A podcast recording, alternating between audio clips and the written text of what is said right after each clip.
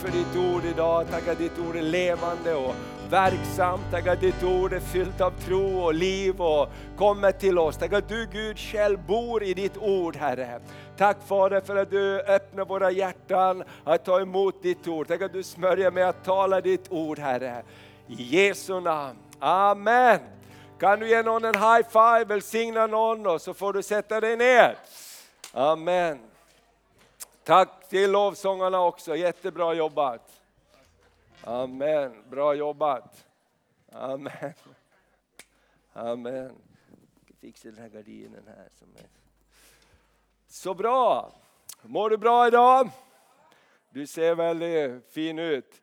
Det är härligt med sommar, eller hur? Amen, snart kommer den att komma också. Det var, för när våra barn var små så var det en sån här sommar som aldrig kom och sen så kom hösten och skolan skulle börja och så började de fråga när blir det sommar? Nej, det har varit redan. Men det kommer nog så småningom ska du se. Vi har sommar i våra hjärtan i alla fall. Amen, så bra! Eh, roligt att se fler, flera av er och, och eh, som är kanske nya. Hur många är här för första gången på, på parken på gudstjänst? Där har vi några stycken. Vi bara hälsa er välkomna, jättekul! Och här har vi också mamma, grand old lady, halleluja! Det är bra med de gamla kämparna. Amen. Så fint. Jag ska, eh, förra söndagen så, så talade vi om eh, en kvinna som eh, berörde mitt hjärta väldigt mycket men också som berörde hela sin samtid. Folk sa till henne, var tyst, håll inte på sådär. Men Jesus sa, den kvinnan gjorde någonting som kommer att beröra historien för all framtid. Och när man predikar evangeliet så ska man komma ihåg kvinnan som smorde Jesu fötter med sina tårar.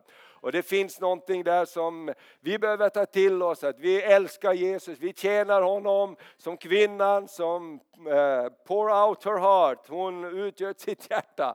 Amen. Och det finns någonting vackert där. Och när jag läste den där texten förra söndagen så är det faktiskt i samma kapitel som man läser om Johannes döparen. För ända sedan midsommar så har vi ju talat om Johannes döparen eh, och sen söndagen efter predikade Maria om kallelsen, att göra sin kallelse fast, och också om Johannes döparens kallelse. Och sen kom den här kvinnan och egentligen vad den där kvinnan gjorde som smorde Jesu fötter med sina tårar, det var att hon hedrade Jesus. Hon visade heder och, och, jag tror det finns någonting när vi hedrar och lyfter upp andra runt omkring oss så blir vi själv upplyfta.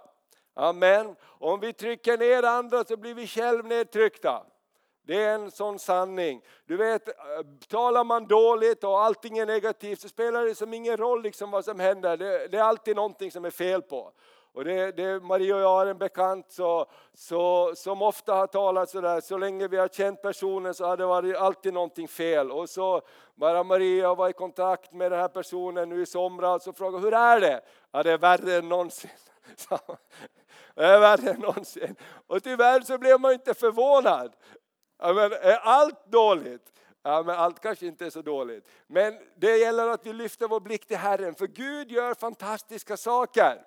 Eller hur? Och jag tänkte Andreas, bara om du vill komma upp och berätta lite om eh, har vi några mikrofoner där. Om, om tältkampanjen i Sävsjö, vi har ju bett för dig och, och, för den. Och jag tänker det vi ska tala om idag, det är det profetiska, det Gud vill göra, det vi ber om, det vi ser framför oss och plötsligt så är vi där. Kan du berätta lite? Amen, vad härligt. Eh, ja, då ska jag berätta lite. Nej men eh, det är alltid skönt att komma hem. Kan man ju säga. Nej men det är ju så att i fjol egentligen, för ett år sedan så ringde precis innan semestern var det där i någon gång i maj, juni, juni tror jag det var. Då ringde Sebastian Staxet och sa oh, vi, ska, vi ska köpa tält och vi ska köra tältkampanj och allt möjligt så här. Och då hade vi ingenting. Och det skulle vara ett stort tält också. Det skulle inte vara liksom det minsta tältet utan det skulle vara ett stort tält. Och vi stod där och eh, oh, vi måste starta en organisation. Vi måste ju liksom ha någon behållare för det här. Vi måste ju ha någonting det förstår ju ni också. Det behövs ju liksom, det går inte bara, någon måste ju sätta upp det där tältet och någon måste ju äga tältet och någon måste ju liksom mm. driva det här projektet framåt. Eh, så prick för, ja, för ett år sedan då hade vi ingenting, utan vi var fyra stycken som startade då Heart of Evangelism. Eh, det var jag, Kenneth, Hernan heter han, och eh, det är eh, Sebbes förra pastor och Sebastian. Vi startade en, liksom en, en förening där. Men vi såg framför oss det här stora tältet och vi hade många drömmar i våra hjärtan. Och eh, nu precis kom jag hem från Sävsjö. Och eh, att få se det där tältet på riktigt. Mm. Och få se det bli fyllt med över 3000 människor. Eh. Och helt plötsligt så såg vi det som vi redan hade sett. Ja. Och folk kom fram till oss, och kunde ni tro det här? Kunde ni tro? Nej, jag vet inte vad, det var precis det här vi såg. Ja. Det var precis det här vi såg. För det är ett stort tält, du, du behöver en 11 manna fotbollsplan. Om du vill att vi ska komma till tältet där du är, mm. så behöver du minst en 11 manna fotbollsplan om vi ska slå upp det. Det är alltså Sveriges största tält. Alltså det är det största tältet som finns i Sverige överhuvudtaget. Ja. Cirkusar eller evenemangsföretag eller vad det nu är. Va? Wow. Så det är gigantiskt stort tält alltså. Mm. Det är jättestort men vi vill bygga ut det till nästa sommar. Så att det är redan på gång. Va? Så att, eh, och, och, och det var helt makalöst. Och vi har ju Niklas Malmborg, han är ju tältgeneral. Han är som, en, yes. han är som handen i handsken där. Och så har vi Christian Isaksson, han är med och leder evangelisterna. Vi hade 30 evangelister ute på gatorna varje dag i fem dagar. Alltså nu snackar vi Sävsjö. Det bor 4 000 människor i Sävsjö. Och det kom 3200 någonting på mesta mötet. Det är ju liksom helt galet. Det var, det var, det var kaos i Sävsjö ska jag säga. Trafiken stod still. Det har aldrig varit bilköer i Sävsjö. Aldrig. Det har liksom, men nu var det det för Jesus har kommit till stan. Amen. Det är så. Och, och det var fantastiskt. Vi, vi satt ju då, vi hade som ett litet tält bakom det stora tältet. Och så började ja, det är en halvtimme innan det börjar och man tänkte, men gode Gud, vad har vi ställt till med liksom? Ja, ingen av oss vågade gå ut, varken jag, Kenneth, Sebbe eller någon. Vi bara satt i det där tältet och bara tänkte, gode Gud. Och så hörde man liksom det började såla in i tältet lite grann. Och så bara, gå och kolla du Westman. Ja, jag fick ju gå då, in och kolla. Och öppna på tältduken där och bara se hur det bokstavligt bara, det bara, bara, bara liksom det var som myror, det bara välde in i tältet. Vi bara wow! Ja. Så här. Och grejen, vi fick skjuta upp starten för det var ju liksom, folk kom ju inte i tid för det var ju kilometerlånga köer liksom. Ja. Eh, så att, eh, och den kvällen tog, jag tror det var 105 människor mot Jesus för första gången Amen. i sitt liv. Tack Jesus! Och då, då, då, känner man lite grann just det här att det Gud har sagt, det blir så. Ja. Och många tvivel och mycket kamp. Det var ju jättemycket kamp att få upp det här gripande tältet. Alltså det var, liksom så ni förstår, alltså det ska till Sverige, det är papper, det är tullar, det är frakter och det är allt möjligt.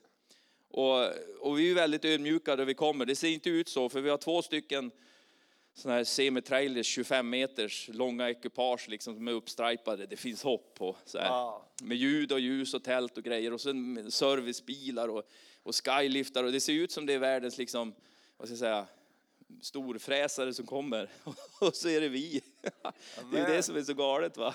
Det är Jesus och all ära liksom till Jesus bara. För att Amen. det är ingenting som, som vi kan ta oss eller göra. Så det är fantastiskt. Så nu kör vi körn om några veckor. Vi är hemma några veckor och bara slappar nu. Det gör vi inte ett nå, jag lovar dig.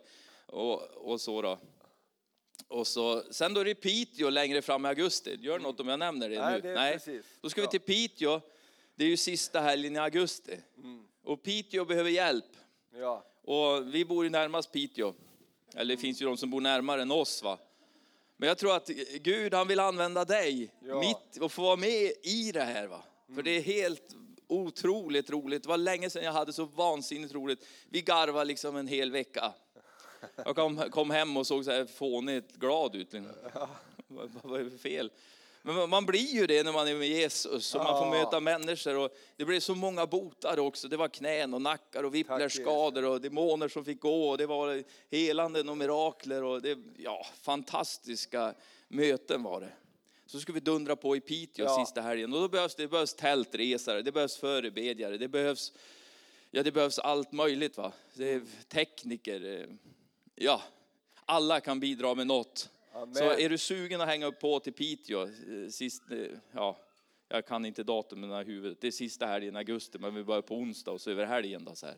så då är du välkommen att haka på där. Så att...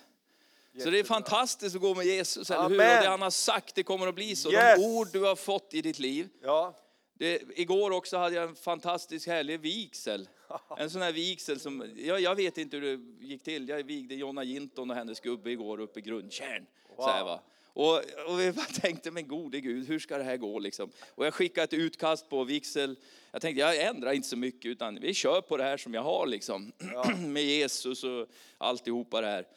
Jag, jag skickade upp det till dem. Så, för jag ville ha liksom så här. Läs igenom det här och så hör ni av er vad ni tyckte om det här då. Och så fick jag ett meddelande. Ja, vi gick igenom vigselakten och nu sitter vi här, här och bölar båda två. Så jag svarade, nej hjälp, var det så hemskt? Vad vill ni jag ska ändra på? nej, ingenting, det här var ju fantastiskt. Va? Jesus. Så vi hade en fantastisk kväll igår med två fantastiskt härliga släkter som bara möttes. Va? Och Jag vet inte hur många jag fick dela evangeliet med där Tack, uppe, för alla ville ju prata med prästen. Liksom, och Ja. vi fick be för någon där som hade problem med en svanskota. Och, och så, här, va? Så, att, så att Jesus, han, han, är liksom, Halleluja. han har ju liksom inte somnat, utan man bara Nej. hänger på han och så är man där man ska vara. Va? Sen kan man ju tycka och tänka vad man vill om det, men alltså, det är fantastiskt härligt att gå med Amen. Jesus. Amen. Underbart! Så. Gud gör härliga saker. Amen. Tack Jesus. Underbart. Tack Andreas. Det är, så, det är så spännande att gå med Gud, därför Gud gör härliga saker. Och jag talade också med Sebastian här i, i veckan, han ringde och tackade så mycket för all förbön också, för vi har ju bett och vi ska bara stå tillsammans i bön, för att allt är ihopkopplat med att det finns de som står och ber och, och, och ropar till Gud och säger portar öppna er. Amen, mörker gå, ljus kom och så jobbar vi tillsammans. Och, och eh, som Andreas sa så tror jag att det är oss väl, väl investerat tid att åka upp till Piteå så mycket som möjligt och bara hjälpa till och finnas med där. Jättebra, så skriv upp det och så, så börjar du skapa utrymme för det. Idag så ska vi tala en liten stund här om eh, det profetiska, därför att en fjärdedel av Bibelns texter är, är, handlar om profetia, om det som ska komma. Eh, och, och eh, Därför så tror jag att det är viktigt att vi eh, tar till oss, hur ska vi uppfatta det profetiska ordet? Och I kyrklig miljö så här när vi pratar om Gud i kyrkan så talar vi ofta om det som ska ske.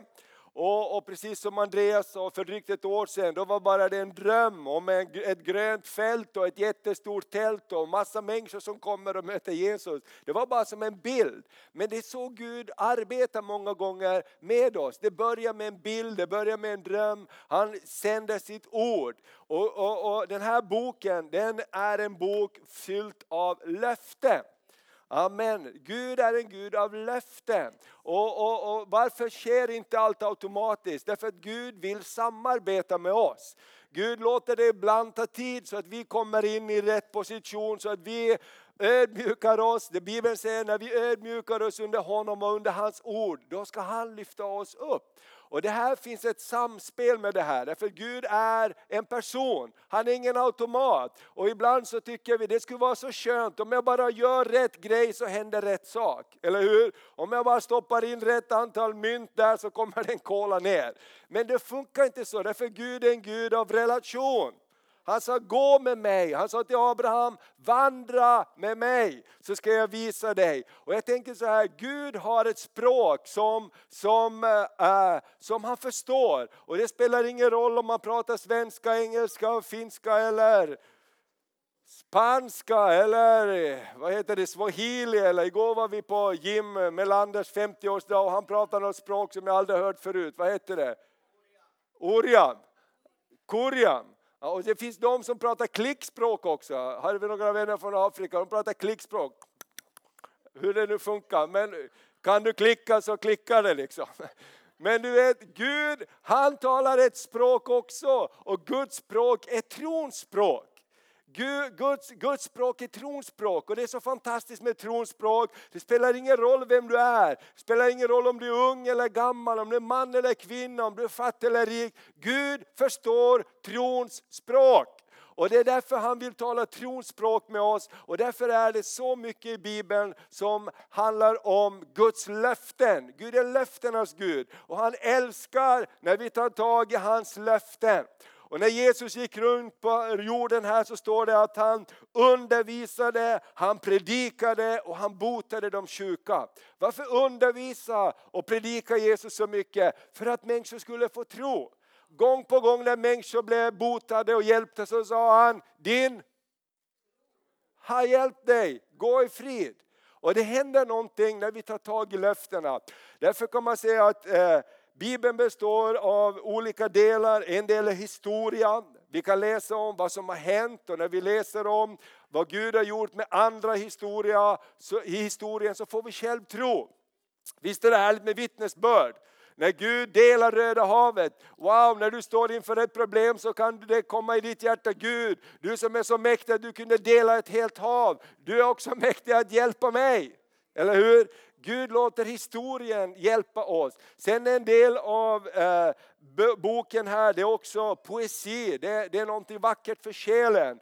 Salta salmerna, de talar tröst till oss, de talar tro till oss, de talar vår själ blir, blir, eh, blir eh, få möta Gud som, som, som strömmar av levande friskt vatten kan det vara ibland att bara få läsa en psalm. Eller Höga visan eller Ordspråksboken. Gud har lagt in det där. Visst är Gud skön? Han vet att vi behöver det vackra, det sköna, det som bara ger oss tröst i vår själ och, ro i vårt sinne också. Och sen har vi profetiorna och sen har vi evangeliet också i, i den här boken. Så jag vill tala lite grann till dig om det här med det profetiska i Bibeln. Och eh, vi ska läsa eh, först ett litet stycke ifrån eh, första Moseboken, det tolfte kapitlet om Abraham. Eh, därför Abraham är ju trons fader. Och eh, jag älskar att tala om Abraham, jag älskar att tala om, om trons fader. Därför att när vi tänker på tro, och då tänker vi, ta ett exempel som är helt fantastiskt, det bara skedde ett mirakel, pang! Men när Gud tar exempel om tro så tar han en man som fick vandra med honom i 30 år innan han fick bönesvar. Och under tiden så, så fick han lära sig ett och annat. Men det, jag tänker på det här, Gud talar till Abraham och Gud säger någonting profetiskt till Abraham. Det skall ske. Amen. Och vi tittar här i första Moseboken 12 och från vers 1 till 3. Står det så här. Herren Gud sa till Abraham, Abram hette han då. Gå ut ur ditt land och från din släkt och din fars hus och bege dig till det land som jag ska visa dig. Där ska jag göra dig till ett stort folk. Jag skall välsigna dig och göra ditt namn stort och du ska bli en välsignelse. Och jag ska välsigna dem som välsignar dig och jag ska förbanna den som förbannar dig. Och i dig ska alla släkter på jorden bli välsignade. Amen. Vilket löfte Gud sa till Abraham. Om du går så ska jag välsigna dig. Och det är det som tro handlar om egentligen. Ta tag i ett löfte från Gud och säga gå så ska du få se vad jag ska göra. Och vi är ofta som Thomas i Bibeln som ville se först och tro sen. Och Jesus sa till honom, saliga är de som tror och sen får se. Och jag tänker det här är det som är utmaningen i den kristna tron. Och det är det här som är det spännande med att vara kristen. Vi har ett hopp i våra hjärtan som heter himlen, eller hur? Vi har ett himmelskt hopp i våra hjärtan. Om någon så frågar dig, vart är du på väg? Så säger du, jag är på väg till himlen. Och så kommer följdfrågan, eh, var ligger himlen?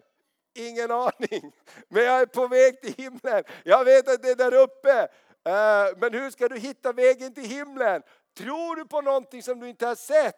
Och det är ju det här som är det himmelska hoppet som vi äger i våra hjärtan. Vi är på väg till himlen. Vi ska möta Jesus därför att vi har sett någonting på insidan. Vi har hört någonting på insidan. Någonting har tagit tag i våra hjärtan som är dyrbarare än allting annat som, som, som vi äger här på jorden. Och du vet att det är det här som är det himmelska hoppet. Och tappar vi det himmelska hoppet så tappar vi ju hela grejen med att vara troende, tro på Jesus. Och det är det här människor söker mer än någonsin. Ibland när jag tittar och lyssnar på människor som har olika religioner och tror på olika saker, så måste jag säga, det är helt fantastiskt vad människor kan tro på. Eller hur? Har du tänkt ibland på vad människor tror på? När de säger de kan tro på en sten, de kan tro på uppenbarelser som någon fick. Som till exempel mormonerna tror på en man som fick en uppenbarelse som han skrev ner och sen när han skrev ner det så försvann alltihopa. Det finns inte mera. Utan mormons bok kom till, John Smith han fick den här storyn och så försvann allting. Han hittade några grejer under en sten och så skrev han av det, sen försvann allting. Och det bygger man tusentals människor, eller vilken religion du än vill ta om. Och jag tänker så här, Bibeln är en helt fantastisk bok, därför det handlar inte bara om kunskap. Eller hur? Det här, Bibeln säger inte ens den få kunnigaste går miste om vägen. Inte ens om du inte fattar ett ord, kan inte ens läsa Bibeln för du har aldrig lärt dig läsa, så behöver du ändå inte gå miste om vägen. Därför är det handlar om relation, ett möte med den levande guden. Guds löften flyttar in i våra hjärtan. Amen. Abraham sa, jag tror på dig, jag går åt det hållet du visar mig. Och tänk vad Gud började prata med Abraham under resan. Gud sa till honom, jag ska göra din sed talrik. Och han fick ju inga barn utan han fick gå den här resan innan, eh, det tog 30 år ungefär. Och så sa han, dina avkomlingar, de ska bo som främlingar i ett främmande land i 400 år. Och vad hände?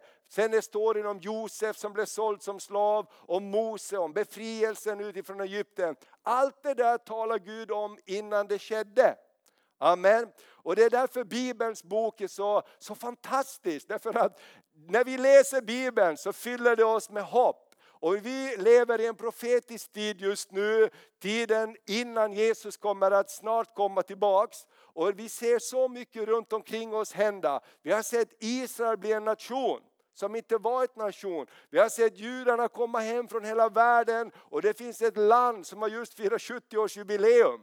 För 70 år sedan så fanns inte det landet. Men idag finns det. Vi ser saker som händer runt omkring hela vår jord. Vi ser natur i naturen och, och vi ser olika tecken på att Jesus kommer snart tillbaks. Vi ser att Gud rör sig i nationerna, men vi ser också att Gud rör sig bland sitt folk som aldrig tidigare. Vet du vad, ibland säger man oj, oj, oj, det är inte så många kristna. Min vän, det har aldrig funnits så många kristna på jorden som det finns just nu. Amen. Och, och, och, och någonting håller på att hända. Och jag tänker så här, har vi ett framtidsscenario där vi tänker på det profetiska, att vi bara ska bli räddade, att vi ska köpa konservburkar och grejer och gräva ner dem så att vi ska klara oss. Så får vi en väldigt konstig bild på livet. Eller hur? Därför Gud, han är med oss alla tider. Amen. Och därför behöver vi fylla oss med någonting mera. Så att inte tron bara blir någonting som en religion eller något tankesystem vi har. Gud vill att vi ska tro på honom och vandra i tro på honom.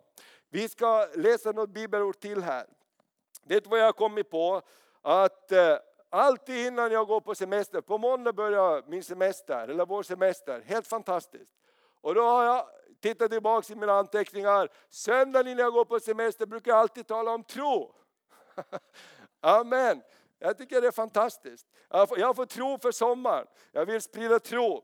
Tro på profeterna så ska du vara lyckosam. Och om vi tänker så här, att Gud har hela tiden utmanat sitt folk att tro på honom. Och jag läste en fantastisk berättelse, vi ska läsa ifrån Andra krönikeboken kapitel 20. För i det kapitlet så ser vi eh, en situation när Guds folk de hamnar i, nöd. Fienden kommer emot dem. Fiendens här är jättestor och, och de vet inte vad de ska göra och de blir alldeles uppgivna. Ibland kan omständigheterna göra oss alldeles uppgivna. Eller hur?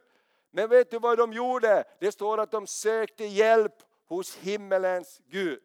De vände sig till Gud, både män och kvinnor. Kungen sa så här, det här fixar vi aldrig. Vi måste söka Gud. Och det står att människor börjar komma från de närliggande områdena och stammarna och tillsammans så börjar de söka Gud. Vet du vad tro är? Tro är att söka Gud när det blir svårt. Tro är att kalla på sina kompisar och säga, kom igen, stå med mig, be med mig, Hjälp mig, jag vet inte hur jag ska klara mig. Tro gör att någonting förlöses som är större än oss själva. Och det står i den här berättelsen att när de var samlade där så kom Herrens över en i, i församlingen. Och han sa så här, Herrens ande äh, står det, Herrens ande kom över honom och sa, ni ska vara stilla för ni ska se vad Gud ska göra för er. Och ni ska skicka lovsångarna först och lovsångarna ska bana väg och Gud ska göra ett mirakel för er. Och i den här eh, eh, situationen så ska vi komma in i berättelsen och vi läser i vers 20 till vers 22. I andra krönikeboken 20. Och så står det så här, tidigt följande morgon så gick de ut i Tekoas öken. Och när de drog ut så trädde Josafat fram och sa, hör mig ni av Juda och ni Jerusalems invånare. Förtrösta på Herren er Gud så har ni ett säkert fäste. Lita på hans profeter så ska det gå väl. Tänk att det är kungen som säger det. Sedan han hade rådgjort med folket ställde han upp sångare som skulle prisa Herren i helig skrud medan de drog ut framför den beväpnade Herren. Det här skulle vi vilja ha sett, eller hur? Guds folk är ett annorlunda folk. Här kommer de soldaterna som är vältränade med sina arméer. Och så säger, så säger kungen, men först ska vi sätta sångarna. Först ska vi sätta dem som prisar den levande guden. Det går före vår egen styrka. Amen. Att prisa den levande guden går före våra egna, egna, egna uppfattningar om hur allting ska lösas. Jag, jag kommer ihåg ett bibelställe som Jesus sa, sök mig och mitt rike så ska ni få allt det andra också. Och Tänk dig den här synen, här står alla soldater, stora och starkare, och så kommer det ett gäng lovsångare framför. Vi ska gå först. Kungen har sagt, vi ska gå först. Amen. Wow, titta här, vad händer? De skulle sjunga, tacka Herren, ty hans nåd varar i evighet. Och när de började sjunga och lova lät Herren ett angrepp komma bakifrån på Ammons barn och Moab och folket från Seifs bergsbygd. Och det, hade kommit, det som hade kommit emot Juda och de blev slagna. Amen. Tänk vad Gud gör därför att man lyssnar på det profetiska ordet tänker på det som Andreas berättade här. Tänk om man hade börjat analysera bara det här. Jo men ett tält för 4000, det har ingen haft i Sverige förut. Vi kanske kan börja med 1000. Nej men Herren sa ett stort tält. Amen. Och, och jag tänker så här, ibland är det dumdristigt att följa Gud. Hur många har mött någon vackert menande släkting som har sagt, men så där kan du väl inte göra. Eller hur? Ja, men du har fått någonting i ditt hjärta. Jag kommer ihåg när jag skulle gå på bibelskolan så, så, så var det kloka gubbar som med tårar i sina ögon varnade mig och sa Thomas, det kan du inte göra. Det är nog inte bra. Men vet du vad, en röst på insidan kan vara starkare. Och det är det här att gå i tro. Och titta vad Josafat gjorde. Han rådgjorde sig med folket som alla hade hört samma trons röst. Amen. Vet du vad? Om du vill gå på vattnet så måste du lyssna till han som går på vattnet. Amen. Om du bara lyssnar på dem som sitter i båten som då säger, nej men det har vi aldrig gjort, det går inte. Men han som säger kom. Amen. Och du vet det finns någonting underbart när vi hör trons röst tillsammans. När vi tog trosteget och köpte den här byggnaden så hade vi en lång process i församlingen. Men tillsammans så hörde vi Guds röst, gå in i staden. Det var inte så att vi var kaxiga, vi var skraja allihop och när vi hade skrivit på papperna för massor av miljoner så tänkte vi, vi är idioter. Vi är helt idioter, hur ska det här gå? Men Gud är med. Eller hur? Gud är med när vi går med honom. Och det är det här som är det spännande. Och du vet att fienden vill få oss ifrån att vandra i tro till att bara vandra i säkerhet och ha religion. Vet du vad? Gud älskar ett folk som säger jag älskar dig, led mig på dina eviga vägar. Amen. Och det finns något spännande där när vi går tillsammans med Gud. Amen. Vi läser ett bibelord till. När Jesu, Jesu tjänst handlade om att skapa tro för, me, för, för människors mirakler. Och vi ska läsa Markus evangeliet, det tionde kapitlet, ska vi läsa en story. Här är det en man som, som, som är, är, är förlamad. Han är, han är en blind tiggare. Han är inte förlamad utan han är en blind tiggare. Och, och, han har hört om vad Jesus har gjort, han har hört om alla mirakler. Vet du hur tro kommer? När man får höra om vad Gud gör. Så sluta aldrig berätta om vad Gud gör. Amen. Sluta aldrig berätta för dina barn och barnbarn om vad Gud har gjort i historien. Amen. Därför att tro kommer av att vi hör berättelserna. Jag, jag kommer fortfarande ihåg de berättelser min pappa berättade för mig hur han kom till tro. Hur Gud räddade dem ute på havet och hur de, han bestämde sig, jag ska bli en troende, jag ska ge mitt liv till Jesus. Och hur han gjorde det och hur Herren kallade honom att börja predika evangelium och hur alla runt omkring honom skrattade och, och hånade honom. Tills en dag så fick han nog, och han sa, när de sa liksom pastorn kommer här, här kommer pastorn, här tror han som har någonting. Så sa han, ja det har jag! Och någonstans så klev han in och bejakade det Gud hade sagt till honom. Och det var det som den här bröts runt omkring honom. Och ibland måste vi bara bejaka, vad har Gud sagt till dig? Du är välsignad. Amen. Vet du att Gud säger om dig att du är välsignad? Kan du säga till din granne, min vän, du är välsignad.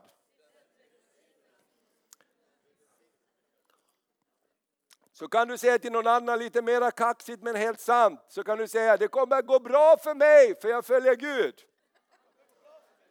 Det kommer att gå bra för mig och för dig. Amen.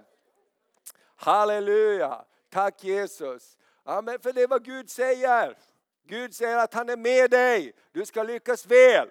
Nu ska vi läsa om Bartolomeus, den blinda mannen. Jag älskar den här storyn också. Mycket i Bibeln man älskar, men den här är en fantastisk story.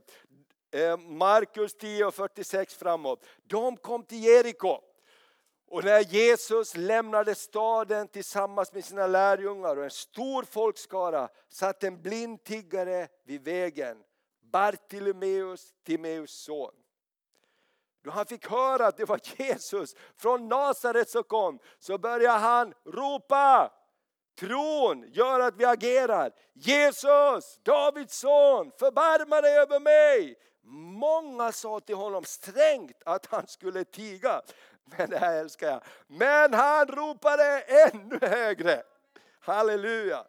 Davids son, förbarma dig över mig. Jesus stannade och sa, kalla hit honom. Man gjorde det och sa till den blinde, var vid gott mod, stig upp. Jag bara kan se den här scenen framför mig. Du vet, först går man där och säger, var tyst, håll inte på sådär, stör inte honom. Så säger Jesus, du, gå och säg till den killen att jag vill prata med honom. Eh, du, kom! Amen. Jesus gör många sådana utmanande saker. Och, och så säger han så här, var vid gott mod, Stig upp för Jesus kallar på dig. Mannen kastade av sig sin mantel. På den tiden hade man en tiggarmantel som var som en garant för att man fick tigga, för man hade ingen möjlighet att jobba. Han kastade av manteln, han sprang upp och kom fram till Jesus. Och Jesus frågade honom, vad vill du att jag ska göra för dig? Visst är det en fantastisk fråga? Gud säger till dig och mig, vad vill du? Det är det som är tro. Vi säger också, Gud, gör, säg bara vad jag ska göra så gör jag det. Och Gud säger, men vad vill du då? Ja, men jag vill ingenting. Ja, men kanske du skulle börja vilja någonting. Amen. Det är jättemånga gånger i Bibeln Jesus frågar, vad vill du att jag ska göra för dig? Är man blind så är det ju ganska uppenbart, eller hur? Men ändå så frågar Jesus det här. Och det är det här tror jag som är det profetiska, det här som är tro. Jag har en dröm, jag vill se någonting. Jag vill se det här landet förvandlat, jag vill se den här lokalen full av människor, jag vill se någonting hända. Och jag tänker på det Sebastian som kommer från mörkret och han fattar inte att man inte kan be och begära allting. Han, har, han liksom fattar inte att det, går, det är inte så lätt det här. Har du hört det? Det är inte så lätt det här. Du vet, vi jobbar ju med evangelist förut i många, många år innan vi flyttade hit. Och en gång var vi på ett möte, vi hade ett husmöte och det var, det var fullt av människor där. Och, uh, Håkan predikade evangelium och Guds ande var där. Och så frågade han, är det någon här ikväll som vill ge ditt hjärta till Jesus? Gud, känner att Gud rör över ditt hjärta, du har inte din sak klar med Gud. Ikväll så kan du få komma och bli en troende. Och så sitter det en kvinna där och säger, ja jag vill. Och kvinnan bredvid säger, så lätt går det inte att bli en kristen. Det glömmer jag aldrig. Hon skulle ha fått en smäll den där kvinnan. Och sen skulle man bett om förlåtelse. Nej, men, men jag menar, det är det mänskliga, eller hur? Så lätt går det inte. Men det är faktiskt inget svårare än så att ta emot ett löfte från Gud och säga, jag vill. Amen. Och den här mannen, tillbaks till berättelsen, och då sa den blinde, Rabuni, gör så att jag kan se igen. Och Jesus sa, gå, din tro har frälst dig. Och genast fick han sin syn och följde Jesus på vägen. Amen. Någonting händer när tron blir förlöst. Någonting händer i det profetiska när vi talar om framtiden. När vi ber ut, när vi säger ut vad Gud vill göra. Amen. Du kanske har en svår situation i din familj, du har kanske en svår situation runt omkring dig. Sluta inte profetera Guds ord över framtiden. Sluta inte säga vad Gud säger om framtiden. Amen. Kanske omständigheterna säger nej, nej, nej, men Gud säger ja.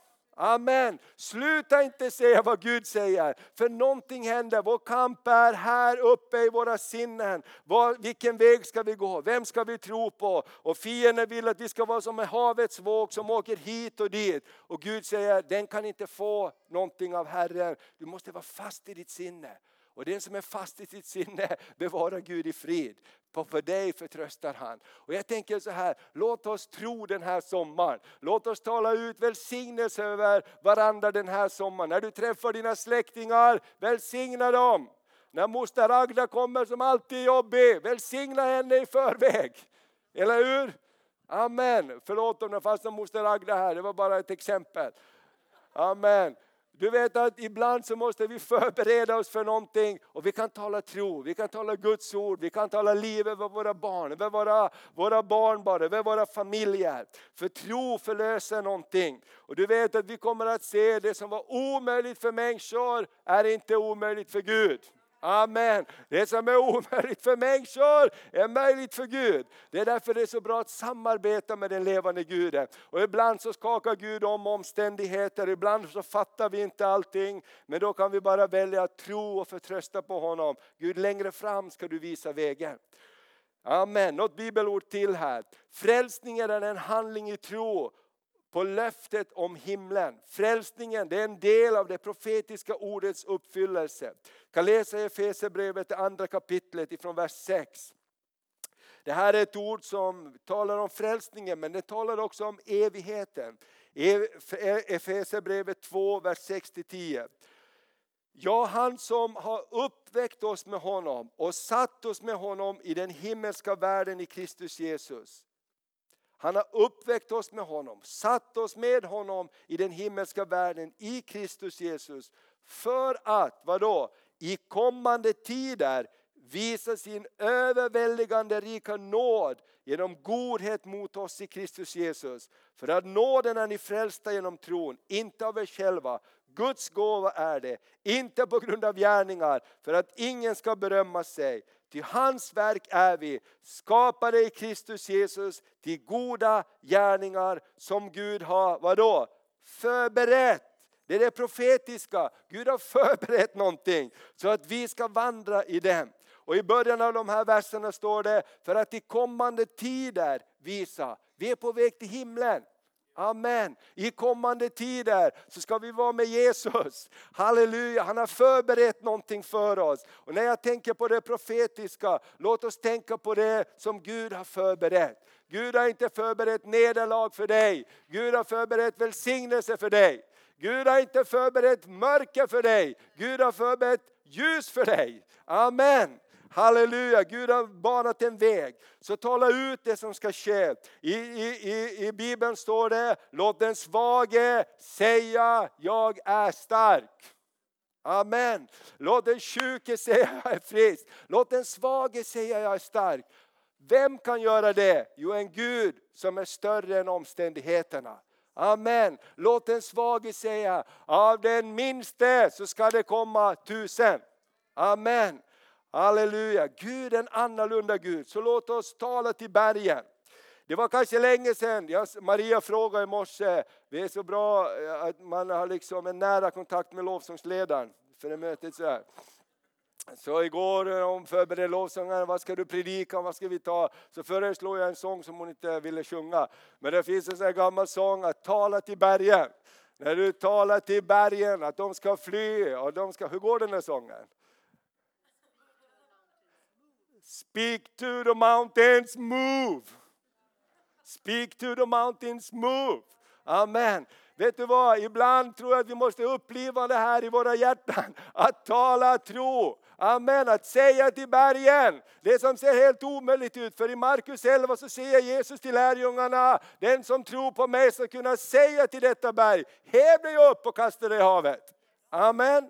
Alltså det finns någonting vi behöver uppleva, det är helt omöjligt. Om du tittar på den här stora bergen där borta, det är helt omöjligt att bergen ska kunna flytta på sig.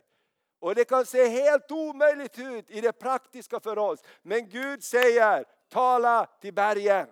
Amen. Låt oss fortsätta tala till bergen. Bibeln säger att bergen ska sänka sig och bli en jämn mark. Och jag vill bara uppmuntra dig om du går igenom en tuff situation, fortsätt att tro på Herren. Fortsätt lyfta upp kanske gamla sånger du sjöng förut om Guds kraft, om Guds trohet, om Guds förmåga. Och det förlöser tro i ditt hjärta. Vet du vad, Sverige behöver massor av människor som tror tillsammans. Amen. Och när vi, vi kan åka upp och uppmuntra dem i Piteå och säga låt oss tro på Guds mirakel i Piteå, i Norrland, i Norrbotten. Halleluja! När vi hade King of Kings conference här och vi kom bara tillsammans i ett hjärta. Vilken tro var det som förlöstes? En fantastisk tro förlöses.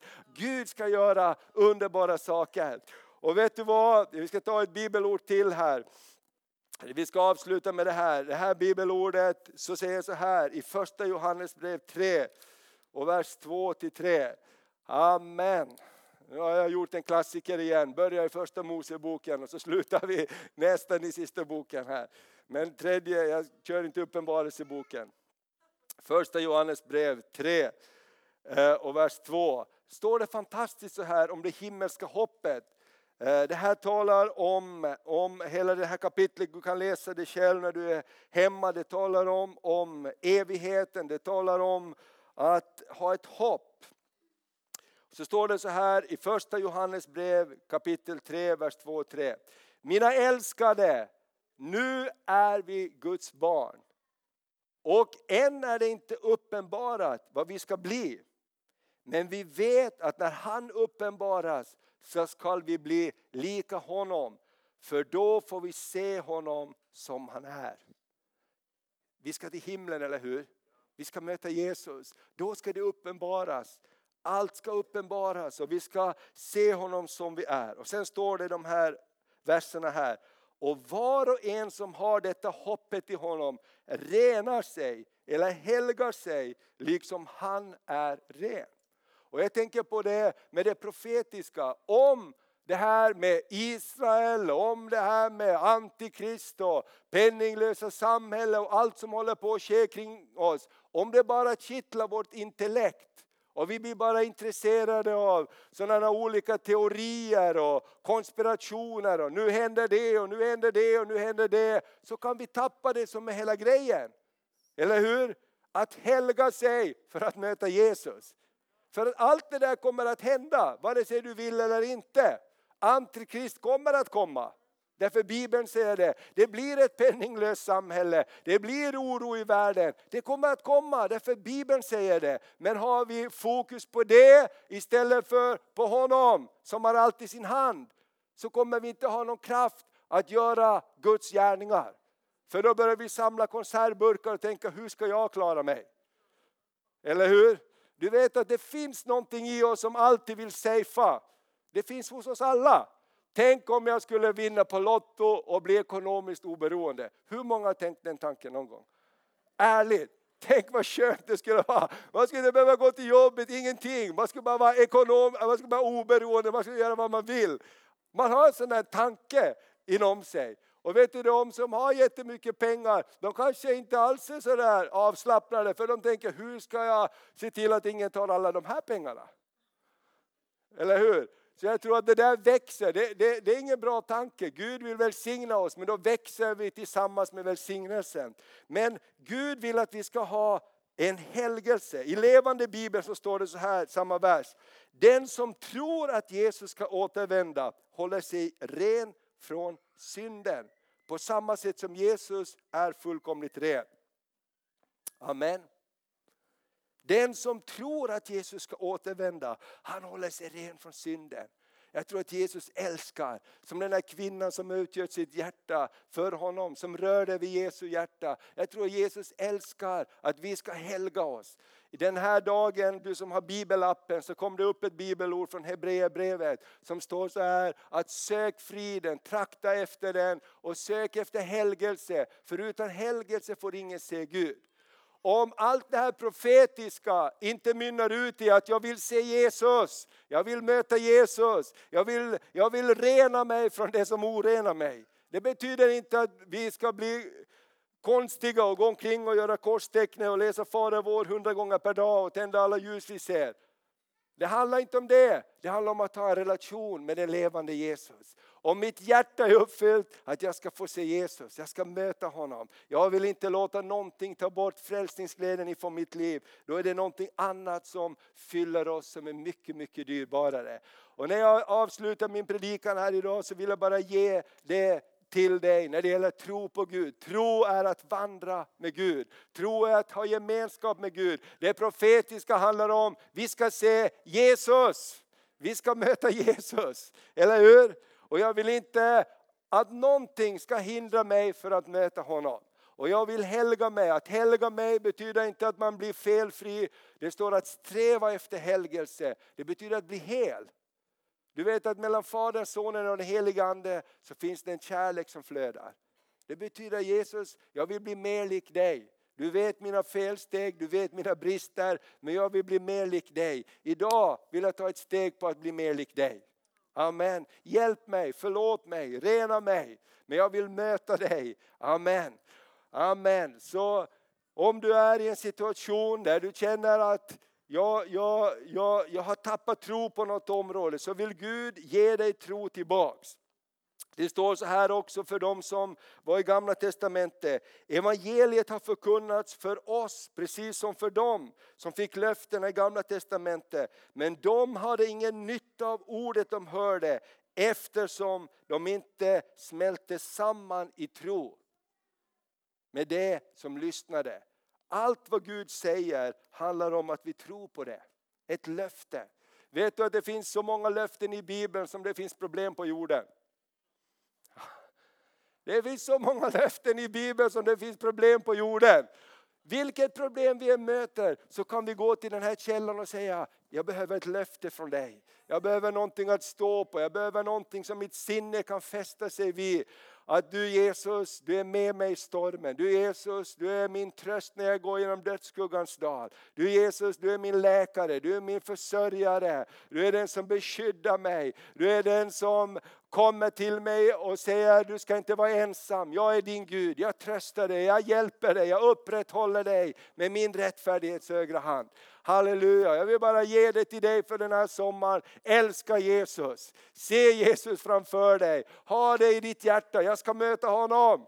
Amen, det är viktigare än någonsin annat. Så jag vill dela med den glädjen med, med andra människor, att jag ska få möta Jesus. Och du vet att det är någonting underbart. Och det handlar inte om att vara perfekt, det handlar om att ha ett hjärta som längtar efter att få möta Jesus. Amen. Ska vi stå upp på våra fötter så ska vi be tillsammans. Jag vet inte hur det är med dig, kanske du är här och, och du, du längtar att få ett nytt möte med Jesus. Så ska vi ta tid att be tillsammans. Vi har aldrig så bråttom säger vi i Svedjeholmskyrkan att vi inte hinner be för varandra. Vi har aldrig så bråttom att vi inte betjänar varandra. Låter Guds heligande röra sig. Och jag vill bara uppmuntra dig att tro på Gud. Vad du än går igenom så är Gud vid din sida och han säger jag ska inte lämna dig, jag ska inte överge dig. Om du har snurrat in på några konstiga konspirationstankar om det profetiska, om framtiden, fastna inte i det. Gå tillbaks till den enkla kärlekssången till Jesus. Jesus jag älskar dig mer än allting. Vad än som händer så har du lovat att ta hand om mig. Vad vi än kommer att möta så kommer du att ta oss igenom. Jesus, vi bara prisar dig, vi lovar dig. Tack Herre för den helige Ande.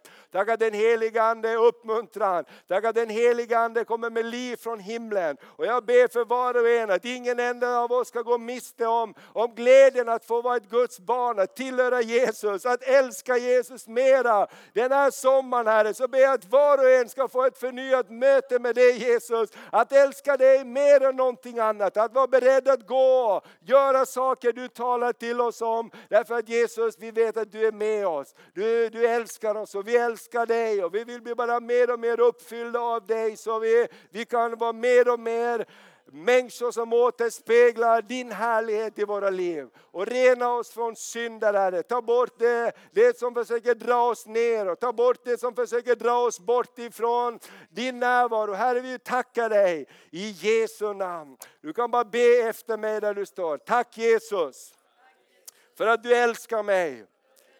För att du har frälst mig. För att du har berett en plats för mig i himlen.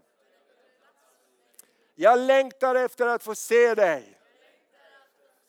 Och här på jorden vill jag följa dig. Jag vill lysa för dig. Jag vill vara ett ljus som lyser för dig. Hjälp mig att gå dina vägar. Rena mig med ditt blod. Förlåt mig mina synder. Förlåt mig mina brister. Och ge mig ett nytt möte med dig. Jag älskar dig Jesus. Jag vill älska dig mer och mer och mer. Jag vill möta dig på himlens skyar.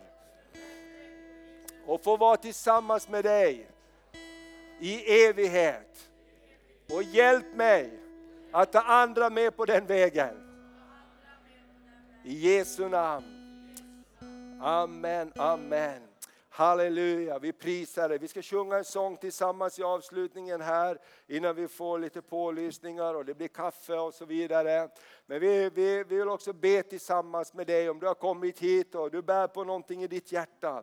Halleluja, så ska du få gå hem lättad du ska inte gå hem tyngd utan du ska gå hem lättad.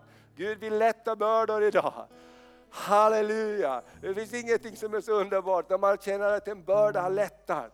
Och ibland är det bara så, de här bördorna som kommer på en, det kan ge en fysisk tyngd fast vi inte ser dem. Men de kan som tynga oss. Jag bara tror att Gud ska lätta bördor den här förmiddagen. Därför Gud är mäktig. Halleluja, så låt oss prisa Herren tillsammans. Och så, så om du vad du än har så bara kom så vill vi be, ta en stund av förbön tillsammans. Och ni som är med och be och Amen, Adeus, Helena, kom gärna med och be också. Så ber vi för dig som längtar efter att få ett möte med Herren. Amen, kom så sjunger vi. Amen, tack Jesus.